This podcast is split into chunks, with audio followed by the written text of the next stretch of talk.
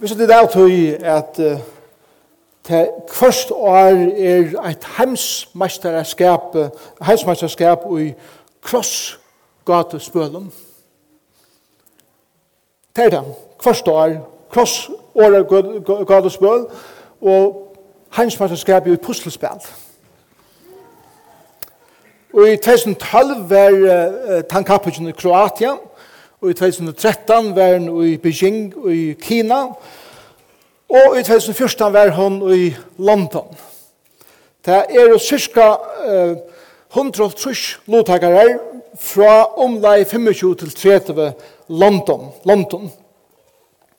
Og Time Magazine skriver i, uh, i fjør en grein om dette heimsmesterskapet, og introdusera i lovtakarnar og hva det var om og hva det er her personaner, nørdaner, introdusera oss i fyri og så videre.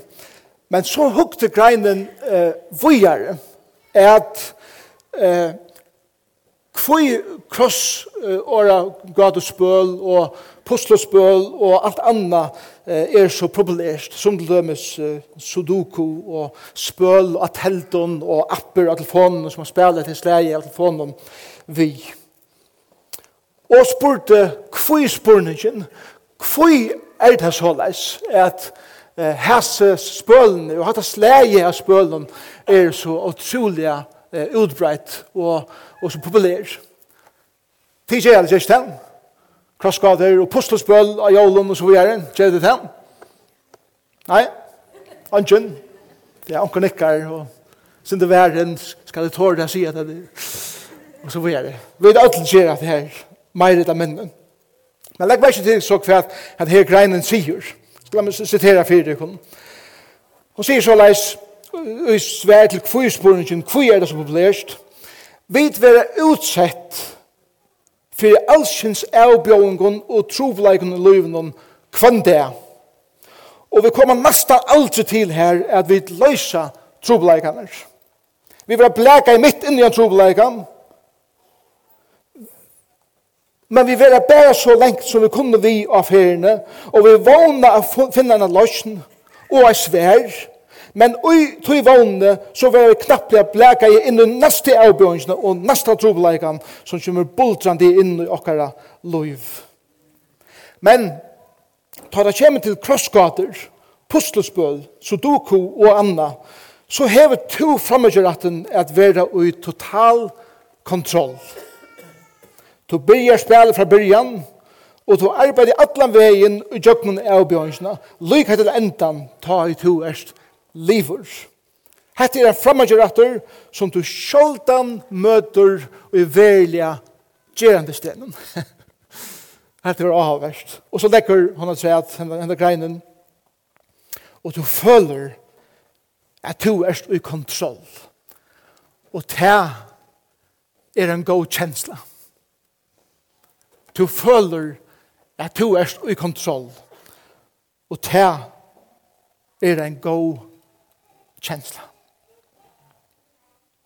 Og vi alle heva det. Vi alle ønsker at heva kontroll og ekker økna livet.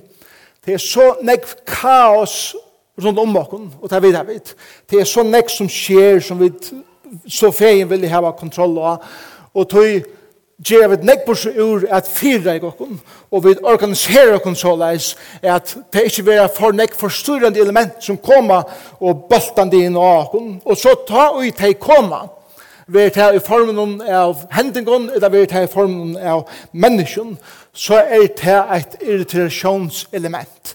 Ikke det? for folk kommer og forstyrrer okkara planer og okkara atlaner.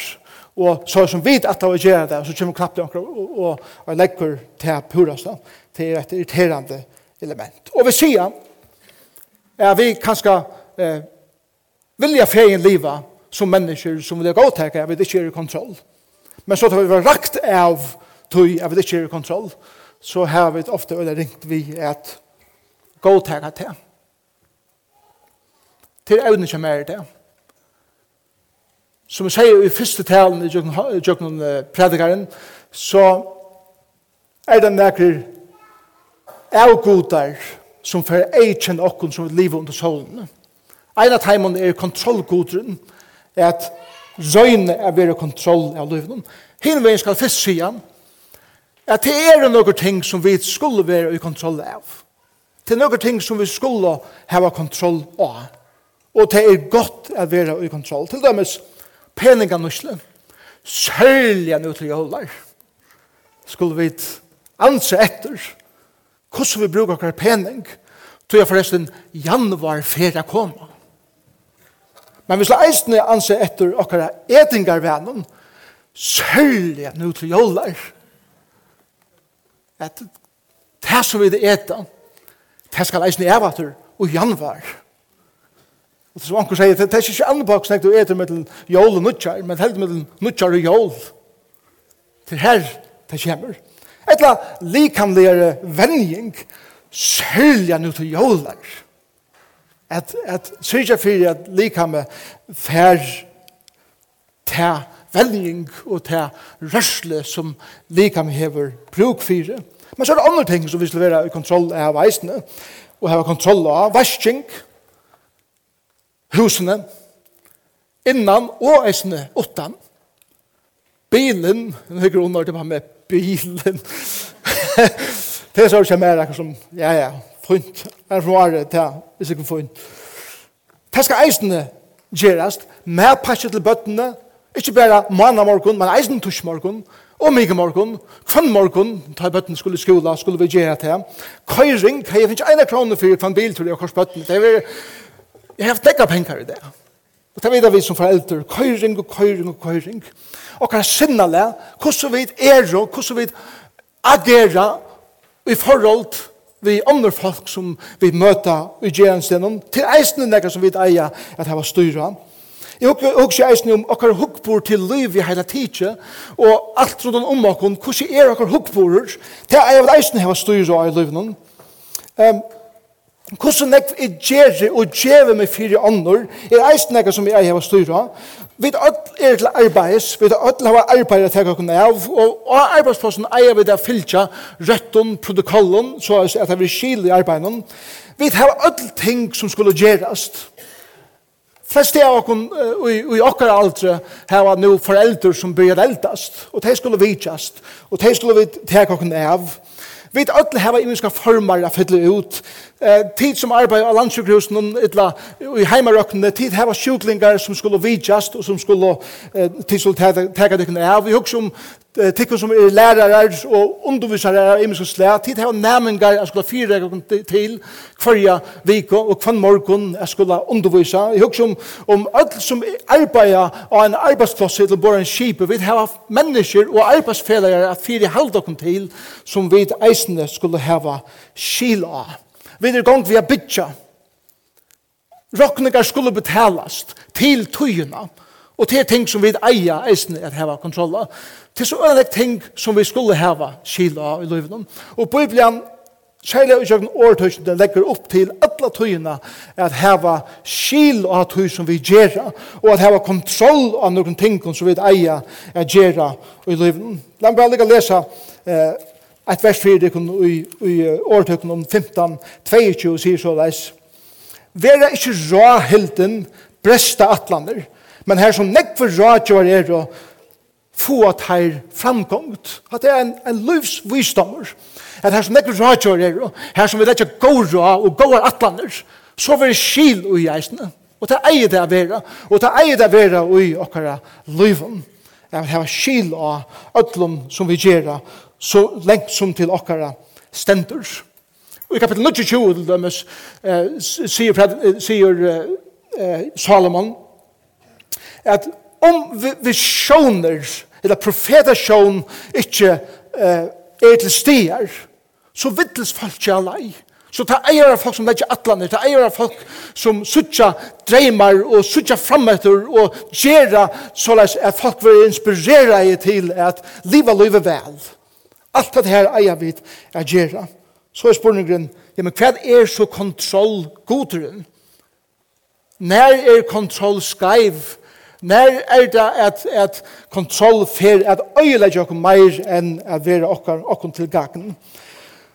Jeg vil ha sagt det så leis, og jeg er til det her som predikaren eh, eisen lærer oss i jøkken eh alla bókina forresten det der har ikkje bestemt en tekst i i predikarnen a bitja men meira generella boskapen i predikarnen Vi får gjøre det så leis, og i jøkken så røyene, jeg vil dekke teksten her, og vi får jøkken vers for vers, men så vil vi først så trekker vi lykke atter, og hitje er det noen av som goden, som eh, vi som en kan eh, bodde jøkken under. Og jeg vil sagt det så leis, at kontrollgoderen får reie av akken, ta og vi føler at det jeg skulle ha kontroll, for jeg suke passionene ut ur akkurat livet for å suga livsgledene ut av hver liv. For å bli en brummor herre heldre enn en tænare. Da vi føler at vi skulle røyne livet opp til noen ting, og ta bliver møssamt, og ta bliver en byre for å kunne bære, at røyne at skulle ha kontroll over øtlerne om okken. Da er det at passionen for livet, livsgleden, vil være sågen ur mergenen tja okken. Hva gjør dere noen dømer. Til dømes, da jeg blir at heta meg sjålvan, for jeg ikke klarer meg noe vel. Da sjål heter blir at komme opp i mer, og min, mitt kontroll blir vår perfeksjonisme.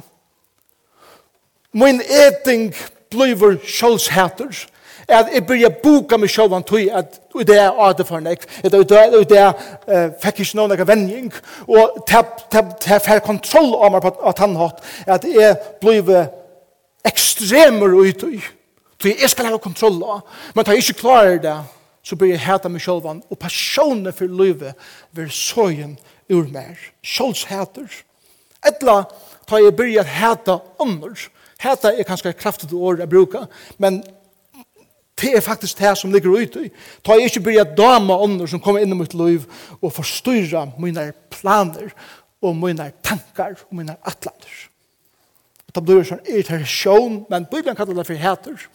Jeg byrja at heta ånder mennesker som kommer inn knapplega og gjør noen brøytingar og i måte mine vilja som gjør at jeg, at jeg må nå knapplega for å bruke penger til akkurat annet enn det som jeg hei sett meg fire er penger til å bruke asyl, som til dømes, er djeva til herrens versk. Og jeg begynner heta til han. Et Etla, ta i er, og i vreie, begynner at nøya mine bøten er gjøre det som jeg sier at jeg skulle gjøre. Det jeg sier det. Og ikke vi luste etter teimen. Et Etla, ta i er vi tøgn avvise min meka. Etla, høgnmentanen, ute fristingen vi ønsker sida. Til eisen det har kontroll av en situasjon. Ta i meg med ikke vil komme inn i mitt liv og jeg bare tid og utfriste, så har vi e kontroll av her beint. Og det er øyende. Etter at jeg ikke vil vi kjenne ånder som doa ting nek bedre enn jeg. Og oversjugan og i mer sier at jeg skal ha kontroll av her, jeg skal bare være kritisk og jeg skal være oelskande mot en øren person. Det er eisende kontrollkodren. Etla ta i byrja gjerra listar. Og listar har til hørs med snakka nekve omkjøkken og are det. Listar som er skal livet opp til, men i stedet for jeg blir en tænare, så blir listan en herre, en grommer herre er tæna. Og det gjør meg til en legalist, og det gjør meg eisen sekterisk han. Sekterisk går til å sette, til å sette eh, etiketter og folk kvært til høyre heima, og er det gået til alt etter i hverje er sekt, eller i hverje en bølge til hvert i kjemmer. Til så har vi kontroll hver jeg plasserer i muskvalk, og false vil dripe i tog. Etter tar jeg bryr at nøya mot agenda i djøkkenen, og bryr at manipulere andre mennesker. Det er eisende kontrollgodren, Og faktisk blir dette en avgoda dyrskan, av kontrollgodren, som får jeg tega reie og mer predikaren sier at ta og vid liva livet på handamadan så er, så er livet og blive livet fafongt Det her fafongt kommer inn. Det som vi røyner at gjøre i livet og det som vi røyner at kontrollere for jeg styrer okken så leis Jeg vil hitje at løyven og sier, hva er det for løyv i livet? Og predikeren sier, nemlig at det er løyv under solene som vi drøyner et liv og egnar kraft og har kontroll av sjølv. Farfond. Og tog sier predikeren vi og kun, for det første, slepp tog som du ikke kan kontrollere og let god gjøre det som han er best til. Det sier predikeren nok. Slepp tog som du ikke kan kontrollere og og lær god gjøre det som han er best til. Da vi leser fire kun fra predikaren, kapitel 6 og vers, vers 13 og 14. Hikk er et verste gods. Hvor kan beina til og han hever bøye? så er det sånn det ønsken, ønsken er kontrolla til. Hinn gåa det skal du være og i gåa leie, og hinn andre det skal du minnast er god, hever just tann dagen vi, Han har eisen gjort den dagen, ta vi ikke i gåen, le. Lyga vel som hin, fyrir at mennesker skal vita at hon hever ønske etter at vanta seg, at det kan eisen omsettast, for at mennesker skal vite at du har ikke kontroll av denen, tar du gåen le, du har helst ikke kontroll av denen, tar jeg ting ikke skal enga vel. God hever til her i sin hånd, Røyn to ikke og, og, og styr to som god hever i sinne hånd.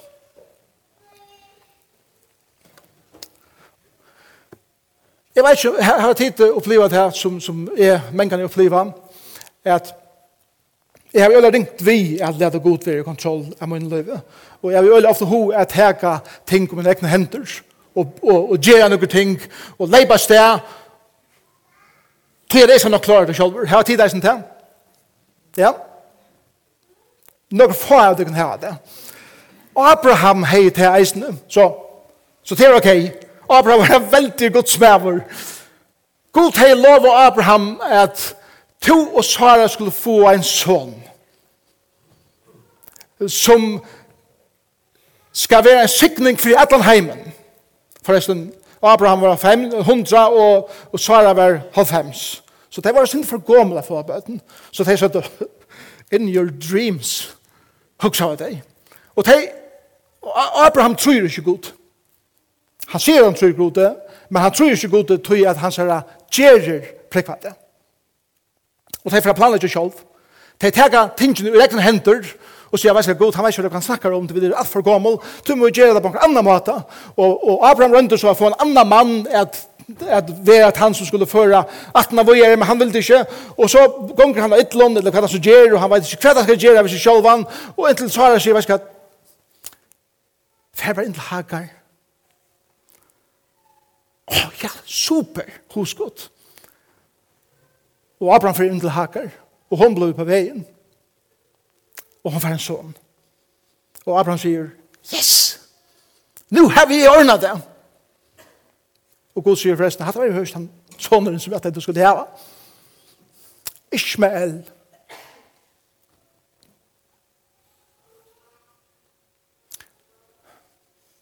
Abraham hevur skildina av öllum strøynum millum arabar og jøtar i det tid.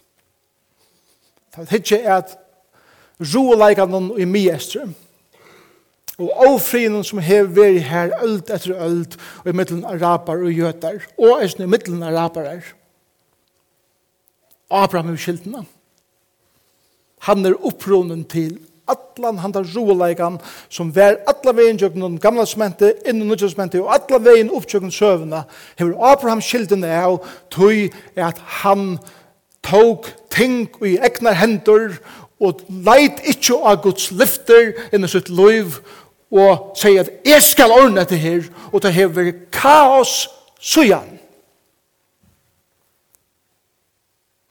og det er det samme som hender i akkurat liv hver jeg for vi det samme som Abraham Ta god til vi giver okkur noen lyfter, og vi ikke lyta, og vi ikke har tåla boja, og vi leipa av sted, og vi tega ting i okkur egna hendur, og ta gonger alt og gav. Til at predikan sier fyrir nasta, tu kan ikke kontrollera liv. Livet kan ikke temjast. Er det som han sier. Tu kan ikke gjøre det beint som er boje. Du kan ikke gjøre det helt som er holdt. Du har ingen chans til å kontrollere det. Livet kan ikke temjast. Og det vet vi at det er nek ting som vi ikke har kontroll av i livet. Vi har alt sitte her i morgen.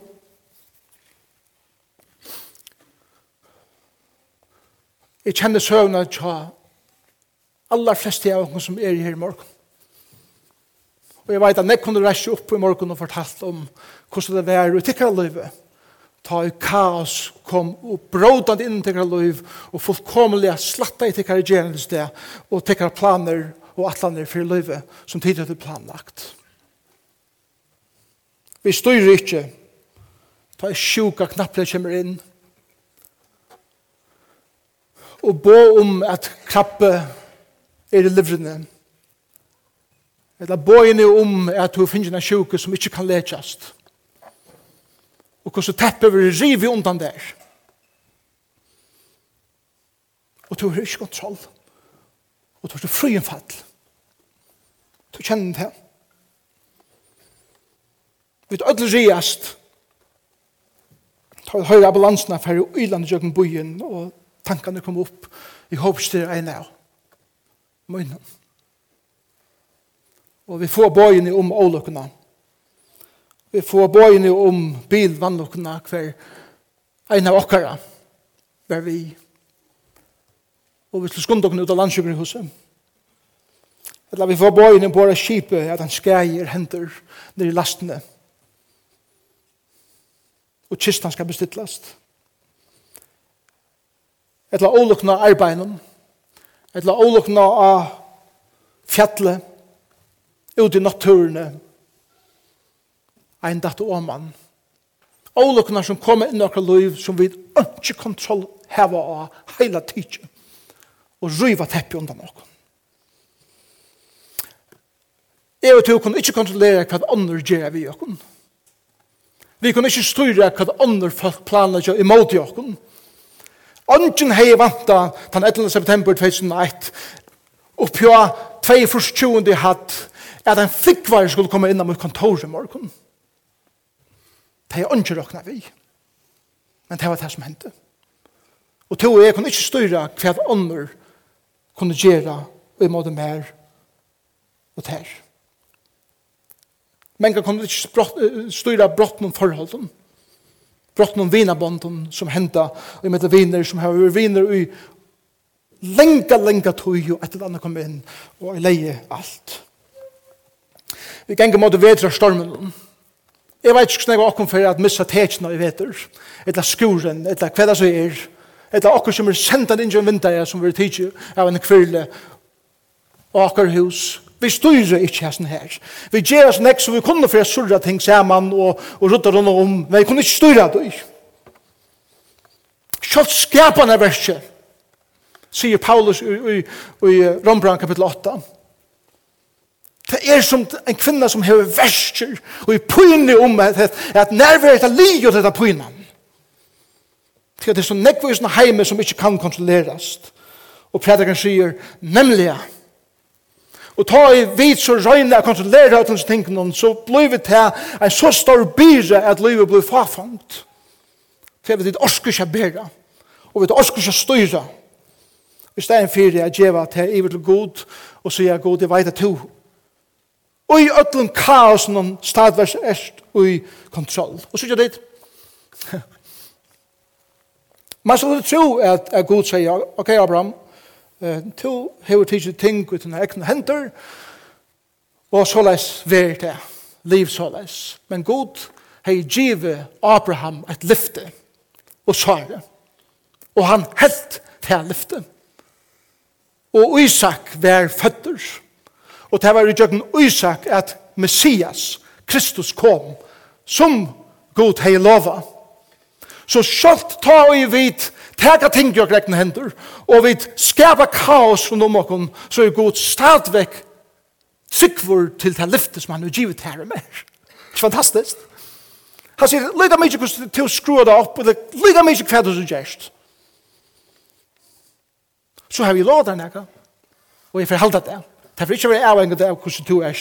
Det vil være avhengig av du som er har lov. Og Isak ble føtter. Men så er det det er som mer som hendte i løven til Abraham at han har til. God for alltid å teste oss. Og i tog som han gjør oss. Så jeg tar jo Isak har blitt en synder større. En unger med over. Så sier God til Abraham. Offram. Det er god testa i Abraham. Jeg vita om gavan var blivit viktigere enn djevaren. Er det vi? Og ta god djevet her nækka. Og god siknar med og til vi store sikningen. Så fer han at testa til eisne og fer kanna om den gavan som han gav okon er blevet viktigare enn djevaren enn han. Og vi først ber okon offra noen ting opp, som han har givet okon. Så vi sa, ja, men du gav meg det. Ja, men offra det. For jeg vet hva dere hjertet er. Og det vil jeg helst ikke hvis vi er kontrollfrik. Og vi vil ikke til at gavan er blivet viktigere enn djevaren, og ta blivet alt fafangt. Til vi missa egen av gode, og vi setter det av det gjøreska. Jeg er så trøytter. Jeg var ikke at lære lyd av god.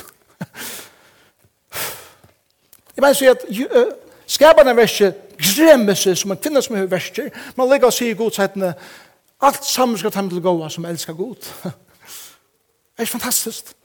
Samtidig som livet er trobult, så er det en utrolig sikning samtidig. Og jeg røyner stadig å ha kontroll. Jeg er en kontrollfrik. Jeg er en avgod av dyrskar. Det er tvær titler som jeg kan se det i mitt liv. Forresten, det er tid eisene. Fatta dagen til kan selv høyre. Det er kanskje morgen som morgen. Men en av løstene når vi har løstet for oss er at tårer jeg sier, jeg er en avgod av dyrskere.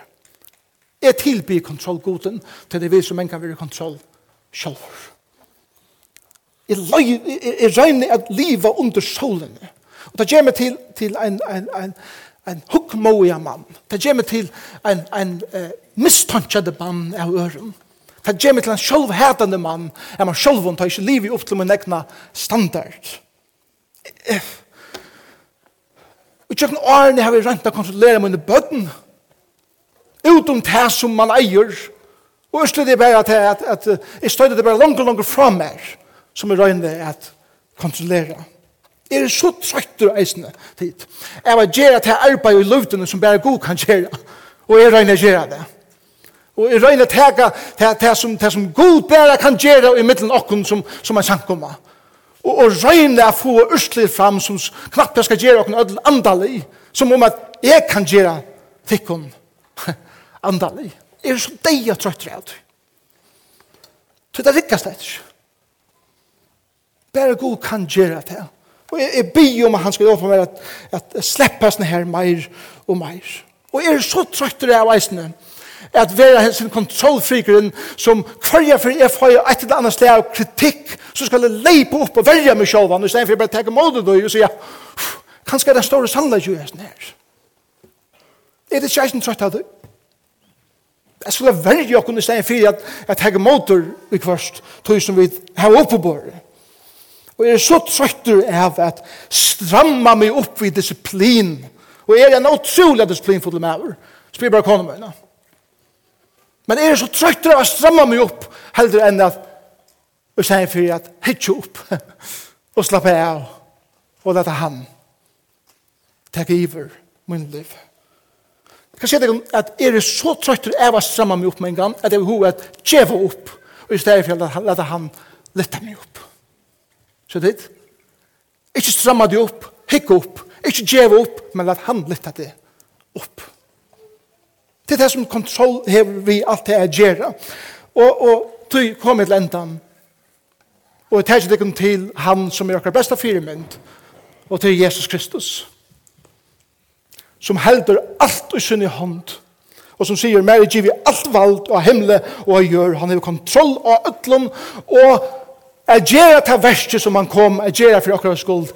Iver gav han alt til fægeren og slepte ötlun kontroll. Da han sier, feir, vær vilje tøyen og ikkje møyen.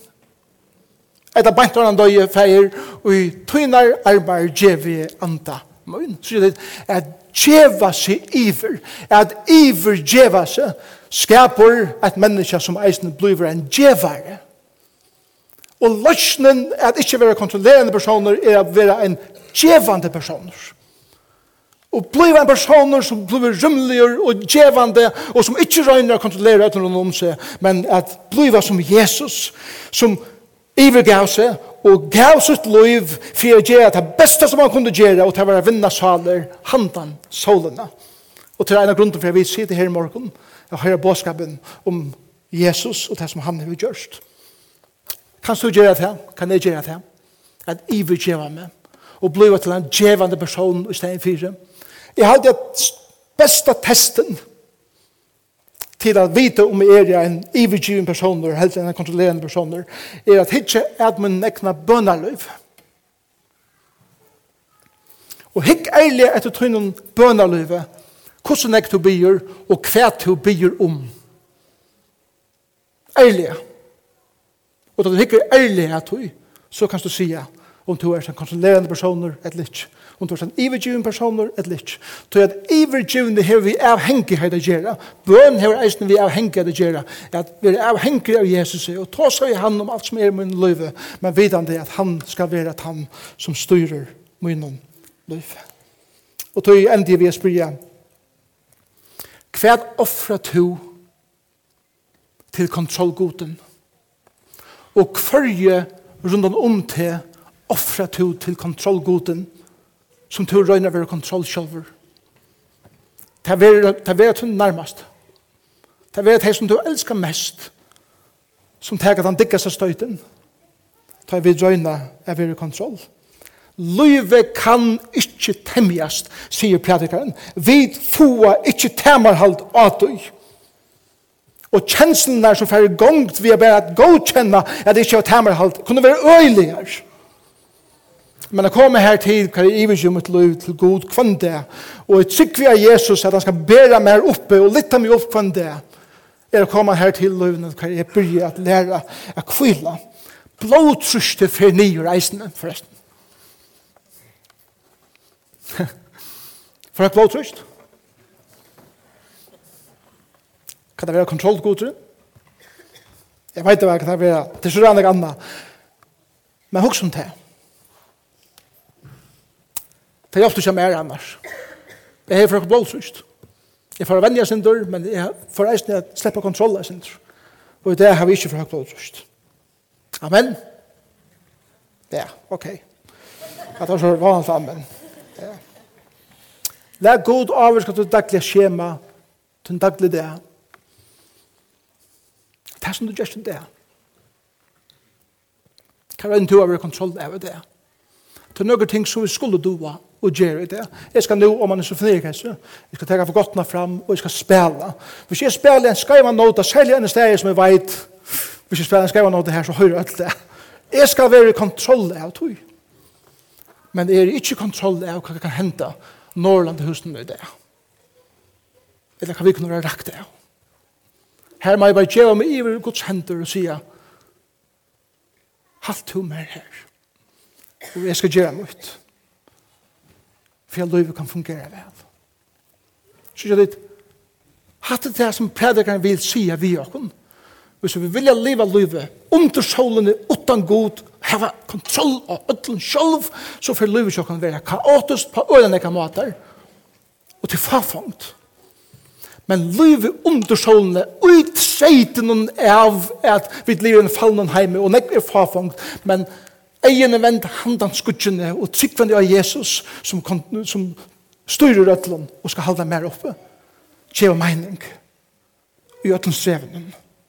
Og han skal hjelpe og fylltjast vidt her og fylltjast vidt mer. Hvem det er?